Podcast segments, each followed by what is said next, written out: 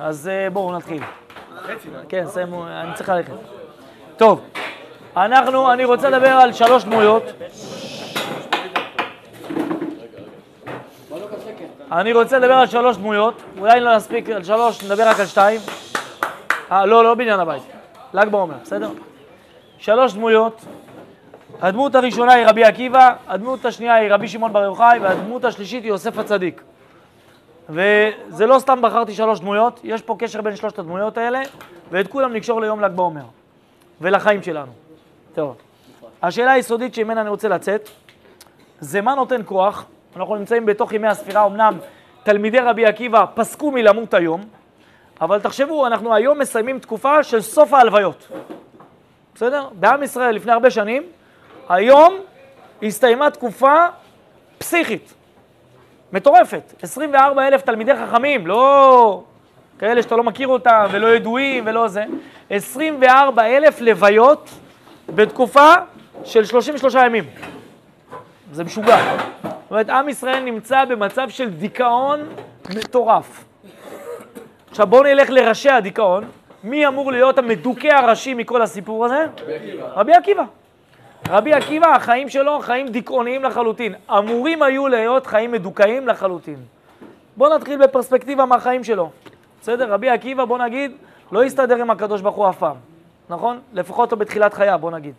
בתחילת חייו אמר, מי ייתן לי תלמיד חכם וישכנו כחמור. שנא דתיים, שנא דוסים, שנא תלמידי חכמים, לא הסתדר איתם. לא בסדר? נגד הרפורמה. מה זה נגד הרפורמה? לא יודע מה זה קשור. לתת איזה דוגמה כזאת או אה, לא, גם- את הדוגמה לא הבנתי, בסדר. בקיצור, רבי עקיבא חי חיים לא פשוטים. סוף סוף הוא מתחתן עם בת זוגתו, חשב אולי לפחות הוא יהיה עכשיו טייקון, מתחתן עם הבת של כלבא שבוע, יום אחרי שהוא מתחתן, אמא שלו, אשתו אומרת לו, תקשיב, שכחתי להודיע לך, אבל לפני החתונה אבא שלי הודיע לי שאם אני מתחתנת איתך, אנחנו לא רואים שקל. לא מאמין לך, לא מאמין לך.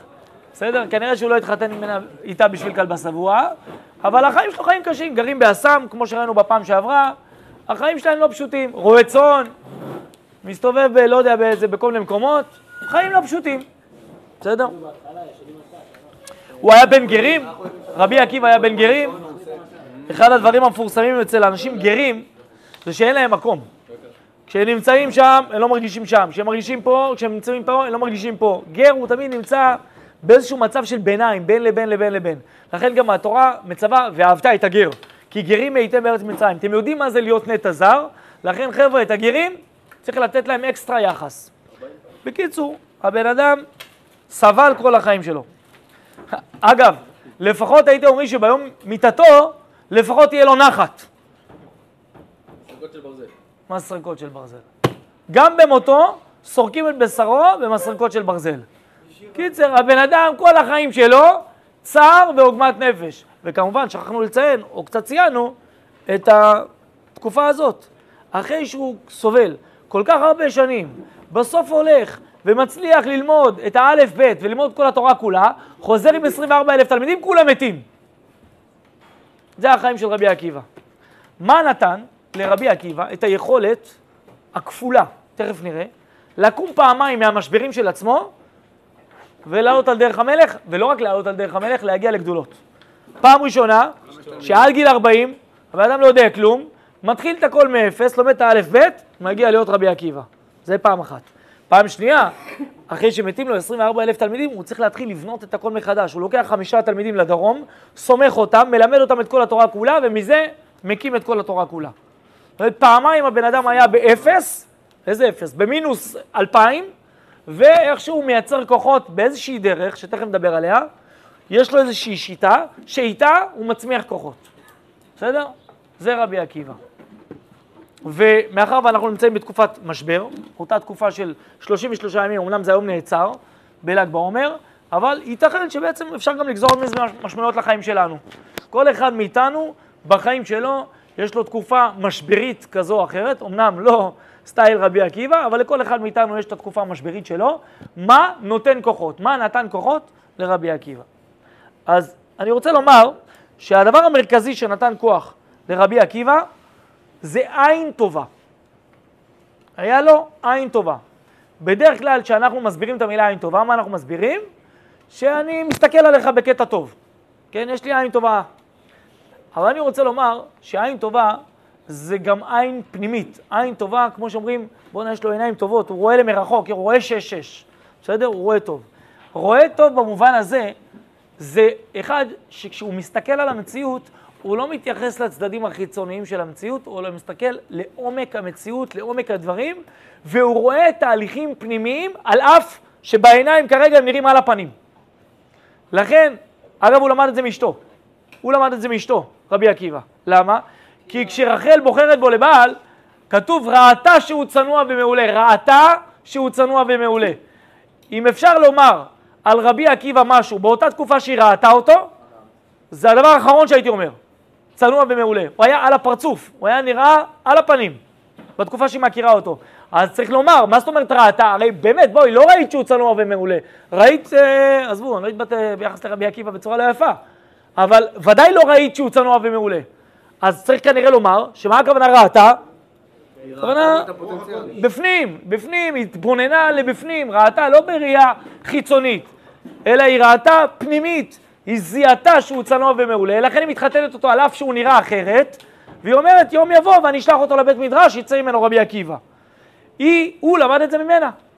ולכן, ברבות הימים, ברבות הזמן, הוא מזהה דברים מאוד מאוד שטחיים, אבל מסתכל עליהם בהתבוננות מעמיקה. כל תהליך חזרה בתשובה של רבי עקיבא מתחיל מהתבוננות שלכאורה היא הייתה הכי חיצונית. אתם זוכרים איך הוא חוזר בתשובה? מישהו זוכר? עם הצעקה, לא? לא? עם האבן, עם האבן. מסתכל על משהו שאף אחד מאיתנו לא היה נעצר. היינו ממשיכים. הוא נעצר ומתבונן בתהליך הטבעי הזה של המים שנוטפים על האבן, הוא אומר, איך זה יכול להיות שיש פה חור? הוא אומר לו, מה זה יכול להיות? המים טפטפו על האבן במשך מאות שנים, ויש חור. ואז הוא עושה אחד ועוד אחד. בעצם מסתכל על אירוע מאוד מאוד פשטני. סתם שטויות. מה, מה... אבל הוא מסתכל על האירוע הזה, מתבונן פנימה, ראה, כן, עוד פעם הראייה, העין הזאתי, לקחת משהו חיצוני ולהסתכל לעומק של הדברים ולהבין אחד ועוד אחד, לעשות איזשהו גלגולים במוח ולהוביל את עצמו למקומות הרבה יותר עמוקים. בעקבות האבן הזאת הבן אדם נהיה רבי עקיבא. אתם מכירים את הסיפור שרבי עקיבא הולך עם ארבעה תלמידי חכמים, ואז הוא רואה שועל יוצא מבין קודשי הקודשים, ואז היו הם בוכים, והוא צוחק. איך ממשיך המדרש? שאלו אותו, רבנו, למה אתה צוחק? מה הוא שואל אותם? למה אתם בוכים? עכשיו בואו, רגע, שנייה, בואו, בואו, בואו, בוא. יכול להיות שיש לו איזה וורט, נכון? כאילו, אומר, אני, בוח, אני צוחק כי יש לו איזה חשבון, נכון? אבל מה, הוא באמת כאילו לא מבין למה הם בוכים? או שזה שאלה רטורית כזאת, כאילו, בואו נראה למה אתם בוכים, ואז אני תכף אגיד לכם למה אני צוחק. התשובה, לדעתי, כי פשוטו. הוא באמת שואל אותם, לא הבנתי, למה אתם בוכים? מה זאת אומרת למה אנחנו בוכים? כי שועל יוצא מבין קודשי הקודשים. זאת אומרת, אנחנו מסתכלים כמו בני אדם נורמליים. העין שלנו לא כמו העין שלך, העין הטובה. אנחנו יש לנו עין, לא הייתי אומר עין רע, עין רגילה נקרא לזה. העין הרגילה שלנו רואה, רואה שועל יוצא מבין קודשי הקודשים. מה זאת אומרת למה אתם בוכים? מאיפה הבאת את השאלה הזאת? הפוך, אתה הבעייתי. אתה זה שצריך לתת תירוץ למה אתה צוחק, לא אנחנו. אבל הוא באמת שואל אותם, באמת ובתמים הוא שואל אותם, על מה אתם בוכים? הוא ממש לא רואה את זה. מה אתה לא רואה? אתה לא רואה את השועל? הוא אומר, לא, אני רואה את השועל. אבל אני רואה בתוך השועל צחוק. איך אתה רואה צחוק? הוא אומר, עוד פעם, אתם יש לכם בעיה. כי אתם מסתכלים ברובד מאוד מאוד חיצוני. אם מסתכלים ברובד חיצוני, אז ברור שזה מצער. זה כמו להסתכל על אישה בלידה ולהגיד, וואי, איזה מסכנה, ברוך דיין האמת. מה, מה, איזה בן אדם נורמלי, נורמטיבי, נכנס לחדר לידה ובוכה. איזה בן אדם? כולם צוחקים, מבסוטים, וואי, איזה יופי, איזה שמחה גדולה. למה? כי העין שלנו כבר התרגלה מרוב מיליוני פעם שאנחנו מודעים לסיפור של לידה, שאומנם זה נראה בחיצוניות א', אבל כולנו יודעים שב' זה הפוך לחלוטין. אז אומר רבי עקיבא, נו, אז אני חי ככה את כל החיים שלי. אז כשאני רואה שועל, ישר אני, אוקיי, א' מוליד לב'. אומר לו, מה זה א' שמוליד לב'? אז הוא אומר להם בפשטות, יש שתי נבואות. נבואה אחת היא נבואת החורבן. הנבואה השנייה מבשרת אחרי זה על נבואת הבניין. אז הוא אומר, עד שלא התקיימה הנבואה של החורבן, אמרתי לעצמי, ספק אם תתקיים נבואת הבניין. אבל עכשיו שאני רואה בעיניים שלי שנבואת החורבן התגשמה, מה זה אומר? שגם הנבואה השנייה תתגשם. בואו נצחק, נהיה מבסוטים. חשבון פשוט מאוד. אז זה כשאתה חי ככה. כשיש לך עין שכל הזמן רואה טוב, רואה תהליכים פנימיים, רואה לעומק, אז יש לך כוח גם כשאתה נמצא בדיוטה התחתונה, במקום הכי נמוך, כש-24 אלף תלמידים שלך מתים, אתה מסתכל לתוך המציאות, לעומק של המציאות, ואתה אומר, בסדר, אחי, תירגע. יש פה משהו הרבה יותר עמוק, תהליך הרבה יותר פנימי ועמוק שקורה פה, ולכן אני בסוף כן שמח. אגב, גם כשבוכים מהמצב שקורה כרגע, אי אפשר לראות את הברכה שקורית. כשבן אדם עסוק בלבכות, הוא לא רואה את הברכה שקורית עכשיו, באותו רגע. מנעי קולך מבכי ועינייך מדמעה. למה הקדוש ברוך הוא עוצר את... ח... את רחל מלבכות? למה הוא אומר לה מיני קולך מבכי? מה אכפת לך? אתה רוצה להגיד לה משהו? מה הוא רוצה להגיד לה, נכון? מיני קולך מבכי ועינייך מדמעה. מה הוא רוצה להגיד לה בסוף? כי יש שכר לפעולותיך, נכון? ושבו בנים לגבולם. זאת אומרת, מה המסר של הקדוש ברוך הוא לרחל? המשפט, כי יש שכר לפעולותיך ושבו בנים. למה הוא צריך לפני כן להגיד לה, תקשיבי, לפני שאני הולך להגיד את המשפט הבא, את המסר שלי, דבר ראשון, תפסיקי לבכות. מה זה כל כך קריטי לו? למה הוא לא אמר לה, תשמעי, שבי על כיסא, מנעי קולך מבכי, ואז הוא אמר לה, למה הוא לא אמר לה ככה? מה זה כל כך קריטי שהיא תבכה? מה, הוא לא יכול להגיד לה, כי יש שכר לפעולתך, תוך כדי שהיא בוכה? למה הוא צריך לעצור את הבכי שלה?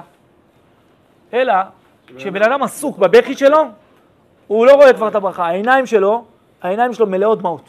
הוא לא רואה את הברכה שקורית עכשיו. וזה מה שהוא אומר לה, כי יש שכר לפעולתך. הוא לא אומר לה, כי יהיה שכר לפעולתך. יש עכשיו שכר לפעולתך, רק את לא יכולה לראות אותו. את יודעת למה את לא יכולה לראות אותו? כי את עסוקה בלפלוט. את, את מדברת, כאילו, כמו שבן אדם מדבר, מדבר, מדבר, מדבר, אומר, תקשיב, אחי, תשתוק רגע, תקשיב מה אני אומר לך. אתה כל הזמן עסוק בלדבר, אתה לא שומע. כשאת עסוקה בלבכות על מר גורלך, את לא יכולה לראות עם העיניים שכבר הברכה הגיעה. כבר שמעתי בקולך ויש שכר לפעולתך. ושבו בנים לגבולם, אבל את לא יכולה. לכן הרבה פעמים צריך לעצור רגע את הבכי, את הצער על מה שקורה עכשיו, ולראות את הברכה, אם מסתכלים פנימה לתוך המציאות, רואים. אבל זה עדיין לא עזר. למה זה לא עזר? כי עם כל העין הטובה של רבי עקיבא, בסוף אנחנו מכירים את הסיפור, 24 אלף תלמידים מתים. רשב"י, תלמידו של רבי עקיבא, שמעניין שיום ההילולה של רבי שמעון בר יוחאי היא ביום שבו פסקו מלמות 24 תלמידים, אלף תלמידים של רבו. שימו לב, יום ההילולה, רבי שמעון בר יוחאי מסיים את מותם של 24 אלף תלמידים של רבי עקיבא, מתחיל עידן חדש שנקרא רבי שמעון בר יוחאי. מה משנה רבי שמעון בר יוחאי במציאות? מתוך תובנה של מה שעשינו לא היה טוב. רבי שמעון בר יוחאי, תלמידו של רבי עקיבא, אומר יפה, עין טובה, מצוין, אבל זה לא מספיק. צריך להוסיף למציאות עוד משהו כדי להתגבר על קשיים. אבל שנייה לפני כן, החיים של רבי שמעון בר יוחאי היו חיים טובים? לא, לא. איך אתם יודעים? כל החיים שלו בבריחה. הוא היה wanted, כל החיים שלו. כל החיים בורח מאימת הרומאים. בורח, בורח, בהתחלה בית מדרש, אחרי זה 13 שנה בתוך המערה, גם מקבל על הדרך איזה כאפה גם כן מהקדוש ברוך הוא, נכון?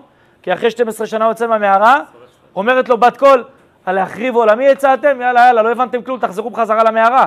זאת אומרת, קצת קיבל בסדר? 13 שנה במערה. ולברוח מאימת הגויים, מאימת הרומאים, בואו, זה לא משהו... אה... אז כל החיים שלו גם כן על הפנים. איך מתגברים? איך כותבים את ספר הזוהר? איך מגיעים לגדולה כשאתה חי בבריחה כל החיים שלך? דבר אחד הוא משנה. או הייתי אומר, הוא מוסיף לעין הטובה. חוץ מעין טובה, הוא מוסיף עוד דבר. הוא מוסיף גם לא מספיק רק עין טובה, גם לב טוב. איך הוא מוסיף את הלב הטוב?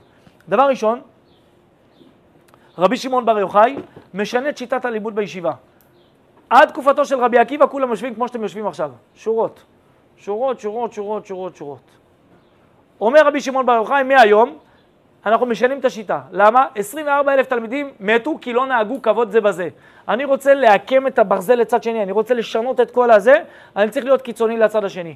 מהיום יושבים במעגל. יושבים במעגל. כשיושבים שורות אחד אחרי השני, אז אתה לא רואה אותו. וגם הוא לא רואה אותך, הוא רואה את הגב שלך, אבל אתם לא רואים אחד את השני. תרתי משמע. אתם לא רואים אחד את השני בפנים, אבל גם אתם בעצם לא רואים אחד את השני.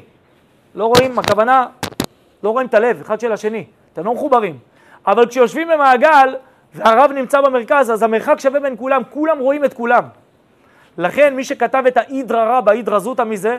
רבי שמעון בר יוחאי, נכון? מה זה אידרא? מעגל. אידרא זה מעגל, בסדר? הוא משנה את השיטה. בתקופתו של רבי שמעון בר יוחאי כתוב, לא נראתה הקשת. לא נראתה הקשת כל תקופתו של רבי שמעון בר יוחאי. למה? מגן לנו, נכון? איך הולך השיר? נו, נו, מגן לנו, נכון?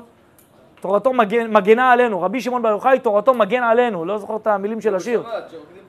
כן, אז זה חלק מהמילים של השיר. כדאי הוא רבי שמעון לסמוך עליו בשעת הדחק. כן, התורתו של רבי שמעון בר יוחאי מגנה עלינו. על מי זה עלינו? על כולנו. זאת אומרת, הקשת בענן, שימו לב, היא מכילה את כל הצבעים. במילים אחרות, כל הגוונים, כל הצבעים, כל עם ישראל, הכל מאוחד, כולם שם נמצאים. בתקופתו של רבי שמעון בר יוחאי לא צריך קשת. למה לא צריך קשת? יש קשת, יש קשת, יש רבי שמעון בר יוחאי. אותה שמירה, הרי מה הקשת מכוונת? מה היא אומרת לנו, במילים אחרות? תדעו לכם, היה אמור להיות מבול. עכשיו הייתם אמורים לקבל כיליון. רק מה, הקדוש ברוך הוא נשבע. אבל בכל זאת הוא רוצה לסמן לנו את זה, אז מה הוא עשה? שם קשת, אומר חבר'ה, תדעו לכם, דיר באלק, אם לא שנשבעתי שאני לא מביא מבול, הייתם מתים עכשיו. אבל נשבעתי, אז נתקעתי, סימן קשת. לכן אסור להראות לחבר את הקשת, נכון? זה לא סימן של ברכה. אמנם מברכים על זה, זוכר ברית, קיים בבריתו ונאמן במאמרו, אבל אתה לא אומר, אה, תראה קשת, אסור על פי ההלכה. כי זה לא סממן טוב, בסדר? זה סממן לכליה שהייתה אמורה לבוא לעולם. אז אותו מגן שיש לנו, קשת שמגנה עלינו מפני מבול, בתקופתו של רבי שמעון בר יוחאי לא הייתה, כי הוא המגן שלנו. הוא היה השמירה על כל עם ישראל. לא פלא שיצא באופן הזוי לחלוטין, או אולי לא הזוי, שבהילולה של רבי שמעון בר יוחאי במירון. אין שום אוכלוסייה שלא שייכת להילולה הזאת. לכו לבבא סאלי, סוג מסוים של אוכלוסייה. לכו לרב נחמן מברסלב, סוג מסוים של אוכלוסייה. לכו לאדמו"ר מקרלין, סוג מסוים של אוכלוסייה.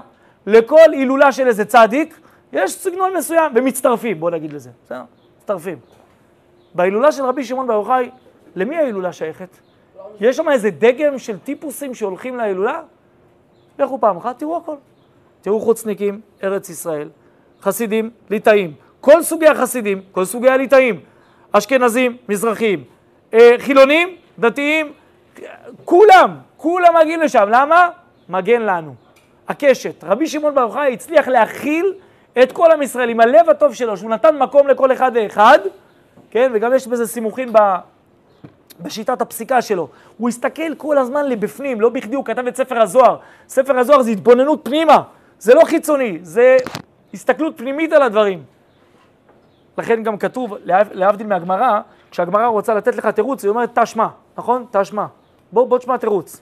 אבל כשרוצים להגיד בספר הזוהר, בוא תשמע תירוץ, מה אומרים? תחזה, תחזה, בוא תראה, בוא תראה. זאת אומרת, צריך להסתכל פה לעומק הדברים, להסתכל עם הלב, התבוננות פנימית. היכולת של בן אדם לקנות את תורת הקבלה היא לא תלויה בידע, כידוע. היא תלויה במוכנות הלב. עד כמה הלב שלך הוא לב טוב, כמה הלב שלך הוא לב מוכן. זה ודאי שאתה גם צריך ללמוד איזה כמה דברים בתורת הנגלה, לפני שאתה נכנס לתורת הנסתר. אבל זה לא בהכרח שאם למדת 30-40 שנה תורת הנסתר, הנגלה, תוכל להיכנס בשערי הקבלה.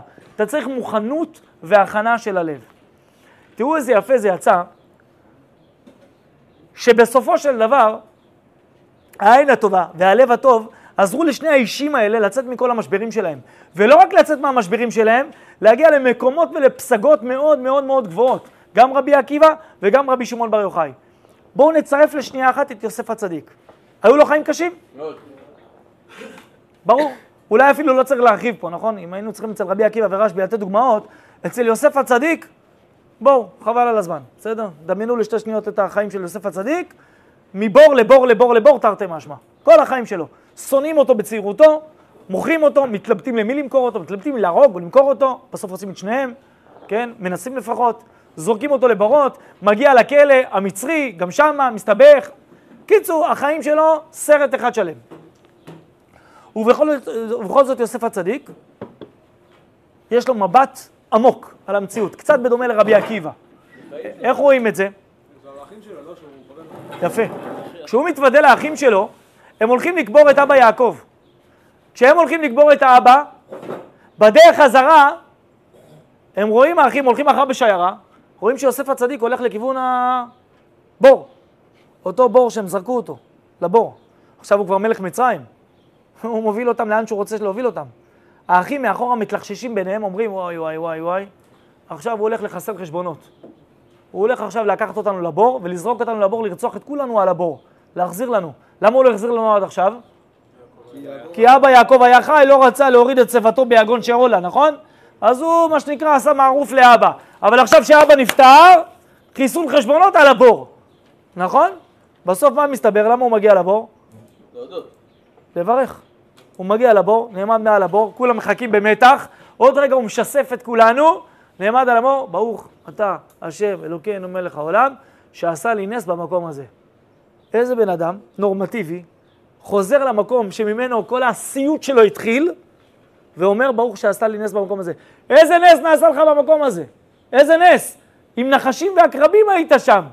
איזה נס? תשובה, יוסף הצדיק אומר, שנייה, עצור. עזוב את הנחשים והעקרבים, נכון, היו נחשים ועקרבים, אבל רגע, בזכות הבור הזה התגלגל שמכרו אותי לישמעאלים. הישמעאלים, הגעתי למצרים. בזכות שהגעתי למצרים, לאט לאט עליתי לגדולה, בזכות זה המשפחה שלי, כשהיה רעב בארץ, הגיעו למצרים, החייתי את כולם, בזכות זה יש עם ישראל. אה, גול. כאילו, אה, איך השמנת את כל הדבר הזה? איזה בן אדם נורמלי מצליח לראות את כל התהליך הזה ולהגיד, וואו, מדהים. לא פלא שרבי עקיבא ויוסף הגיעו לגדולות, כי העין הטובה שלהם שמחודדת ומסתכלת למרחוק בתוך התהליכים הפנימיים, ורשב"י שמוסיף לנו את הלב טוב, זה היכולת להגיע לגדולות. והיום המיוחד של רשב"י זה ל"ג, ל"ג בעומר, נכון? והחידוש הגדול של רבי שמעון בר יוחאי, מה שאמרנו עכשיו, זה לב טוב. שימו לב, שאם תספרו את הימים, שמתחילת ספירת העומר עד ל"ג, יום ההילולה של רשב"י, כמה ימים? לב. ומל"ג ועד הסוף, כמה? טוב, 17 יום, עם ו'. לב, טוב. זה החידוש של רשב"י, ורשב"י נמצא בתווך, מלמד אותנו על לב טוב. צריך לספר לכם סיפור קטן, אה, סיפרתי אותו, על המשפחה עם הילדים שניצלו מגז, שכל הדירה הייתה מלאה גז, ו... שהוא בדיוק עין טובה. להסתכל על המציאות, לקלוט אותה ולפרש את המציאות בצורה אחרת לחלוטין. הייתה אישה אחת, זוג, שנסעו לחברים. הוזמנו לחברים איזה ערב אחד, ניסו הרבה זמן לתאם, לא הצליחו, בסוף עלו על איזה ערב פנוי, לקחו מונית, מרחק חצי שעה נסיעה, נסעו לחברים שלהם. מגיעים לכיוון הבית, דופקים בדלת, או באים לדפוק בדלת, סליחה, פתאום האישה אומרת לבעלה, עצור, אל תדפוק עדיין. אומר לה, למה, מה קרה? היא אומרת, תקשיב, השארנו שלושה ילדים ישנים בבית, יש לי תחושה רעה, שמשהו לא טוב קורה. אומר לה, על בסיס מה יש לך תחושות רעות? יש לך איזה דרך לבסס את התחושות שלך? אז היא אומרת לו, לא, אבל יש לי תחושה לא טובה. מה תעשה עם התחושה הזאת עכשיו? אומר לה, אבל, יא בנתי, הגענו עד לפה, חצי שעה נסיעה, עד שתיאמנו את הערב, המזמינים שלנו מחכים בפנים, אנחנו על הדלת, בשביל תחושה עכשיו נחזור חצי שעה עם מונית? מה נסגר איתך? הכל בסדר, יש להם פלאפון, אם מישהו יתעורר, אחד הקטנים יתעורר, מעיר את היותר גדול, אמנם שלושתם קטנים, אבל הגדול יכול להתקשר, יתקשר, הכל בסדר, נגיע הביתה, מה? תחושה, מה זה תחושה? אומרת לו, אדוני, יש לי תחושה קשה, בואו חוזרים הביתה. עם נשים ותחושות לא מתווכחים. החבר'ה עולים על אה, מונית, נוסעים חצי שעה חזרה הביתה. הבעל כל הדרך בבאסה, בעצבים, מה עכשיו? בסדר, כבוד אשתו, נסע. מגיעים מונית הביתה, נכנסים בבניין, סיפור אמיתי. בסדר? סיפור אמיתי. נכנסים בבניין, ריח של גז מטורף כל הבניין. נכנסים לתוך הדירה, פותחים את הדירה, אי אפשר לנשום. דירה מפוצצת בגז. מסתבר שאיזשהו כבל של גז נקרא עליהם שמה, כל הדירה מוצפת בגז, הילדים ישנים, שנת ישרים. טוב, הלכו, הוציאו אחד, הוציאו את השני, הוציאו את השלישי, הוציאו את שלושת הילדים מהבית, בזהירות פתחו את החלון, איכשהו אווררו, לקחו את הילדים לבדיקה בבית חולים, בסוף שאפו מלא גז, אומר להם הרופא, תקשיבו, רבע שעה, חצי שעה נוספת, שלא הייתם מגיעים, שלוש לוויות. זה הסיפור. האישה, איך אני מכיר את הסיפור? הרב יוני לוי סיפר אותו. האישה סיפרה את הסיפור הזה לרב יוני לוי בערב חג. הרב יוני לוי אומר לה בטלפון, שמעי, זה סיפור מטורף, וואו, איזה נס. היא אומרת לו, עוד לא התחלתי, זה עוד לא סיפור. אומר לה, מה זה לא סיפור? זה הנס, לא? אומרת לו, לא, עצור, חכה, זה... עוד לא הגעתי לפואנטה. אומר לו, אוקיי, מה הפואנטה? אומרת, אז עוד לא הודיתי. הודיתי לקדוש ברוך הוא רגיל. וואו, איזה נס, הילדים לא מתו וזה, נס גדול, אבל עוד לא הבנתי על ההודיה האמיתית שלי. 18 שנה אחרי, אז הוא אומר לה, אה, זה לא סיפור שקרה עכשיו? הוא אומר לו, לא, לפני 18 שנה. אז למה התקשרת? היא אומרת לו, תבין מה שקרה. 18 שנה אחרי, קורה אירוע בדיוק אותו דבר בשכונת גילה בירושלים. משפחה חרדית חוזרת הביתה, ריח של גז, נכנסים לתוך הדירה, האבא באמצע הלילה לא רואה כלום, הוא יודע שהילדים שלו ישנים שם, מה עשה? הדליק את האור. איך שהוא הדליק את האור, נוצר איזשהו פיצוץ מהזיק החשמלי, נוצר פיצוץ, בום, כל המשפחה נהרגה במקום. אגב, כל הבניין קרס. יש שם עוד פצועים, היו פצועים מה, מהדירות מסביב. הבניין עצמו קרס. מישהו בשיעור האחרון ביום רביעי אמר לי, הרב, אני גר בשכונת גילו, הבית עדיין בחורבנו, הבניין עדיין עומד חרב מאז האירוע הזה. סיפור אמיתי. הרב יוני לוי אומר לגברת, הוא אומר לה, וואי, עכשיו אני מבין את הפואנטה של הסיפור. כאילו לקח לך 18 שנה להבין איזה נס קרה לך, מה היה יכול לקרות. לפעמים אתה לא רואה מה האופציה, מה היה יכול לקרות, אז אתה לא יודע להעריך את הנס של עצמך. אבל פתאום אירוע דומה, בדיוק אותו דבר, משפחה שלמה נכחדה, אתה פתאום מבין, וואו, איזה נס היה לי. אומרת לו, הרב, עוד לא הבנת את הסיפור, חכה. אומר לו, מה לא הבנתי? אומר לו, תקשיב, למה אצלם זה נגמר אחרת? למה אצלם נחרב בניין ואצלי הצלתי את שלושת הילדים? אתה יודע למה? הבדל אחד קטן. אצלם הדליקו את האור. נכון? אמרתי לכם בסיפור, הוא הדליק את האור. כשהוא הדליק את האור נוצר פיצוץ מטורף מהחשמל, נחרב הבניין. היא אומרת, אצלנו לא הדלקתי את האור. למה לא הדלקתי את האור? היא אומרת, אני בת 45, מעולם לא הדלקתי אור.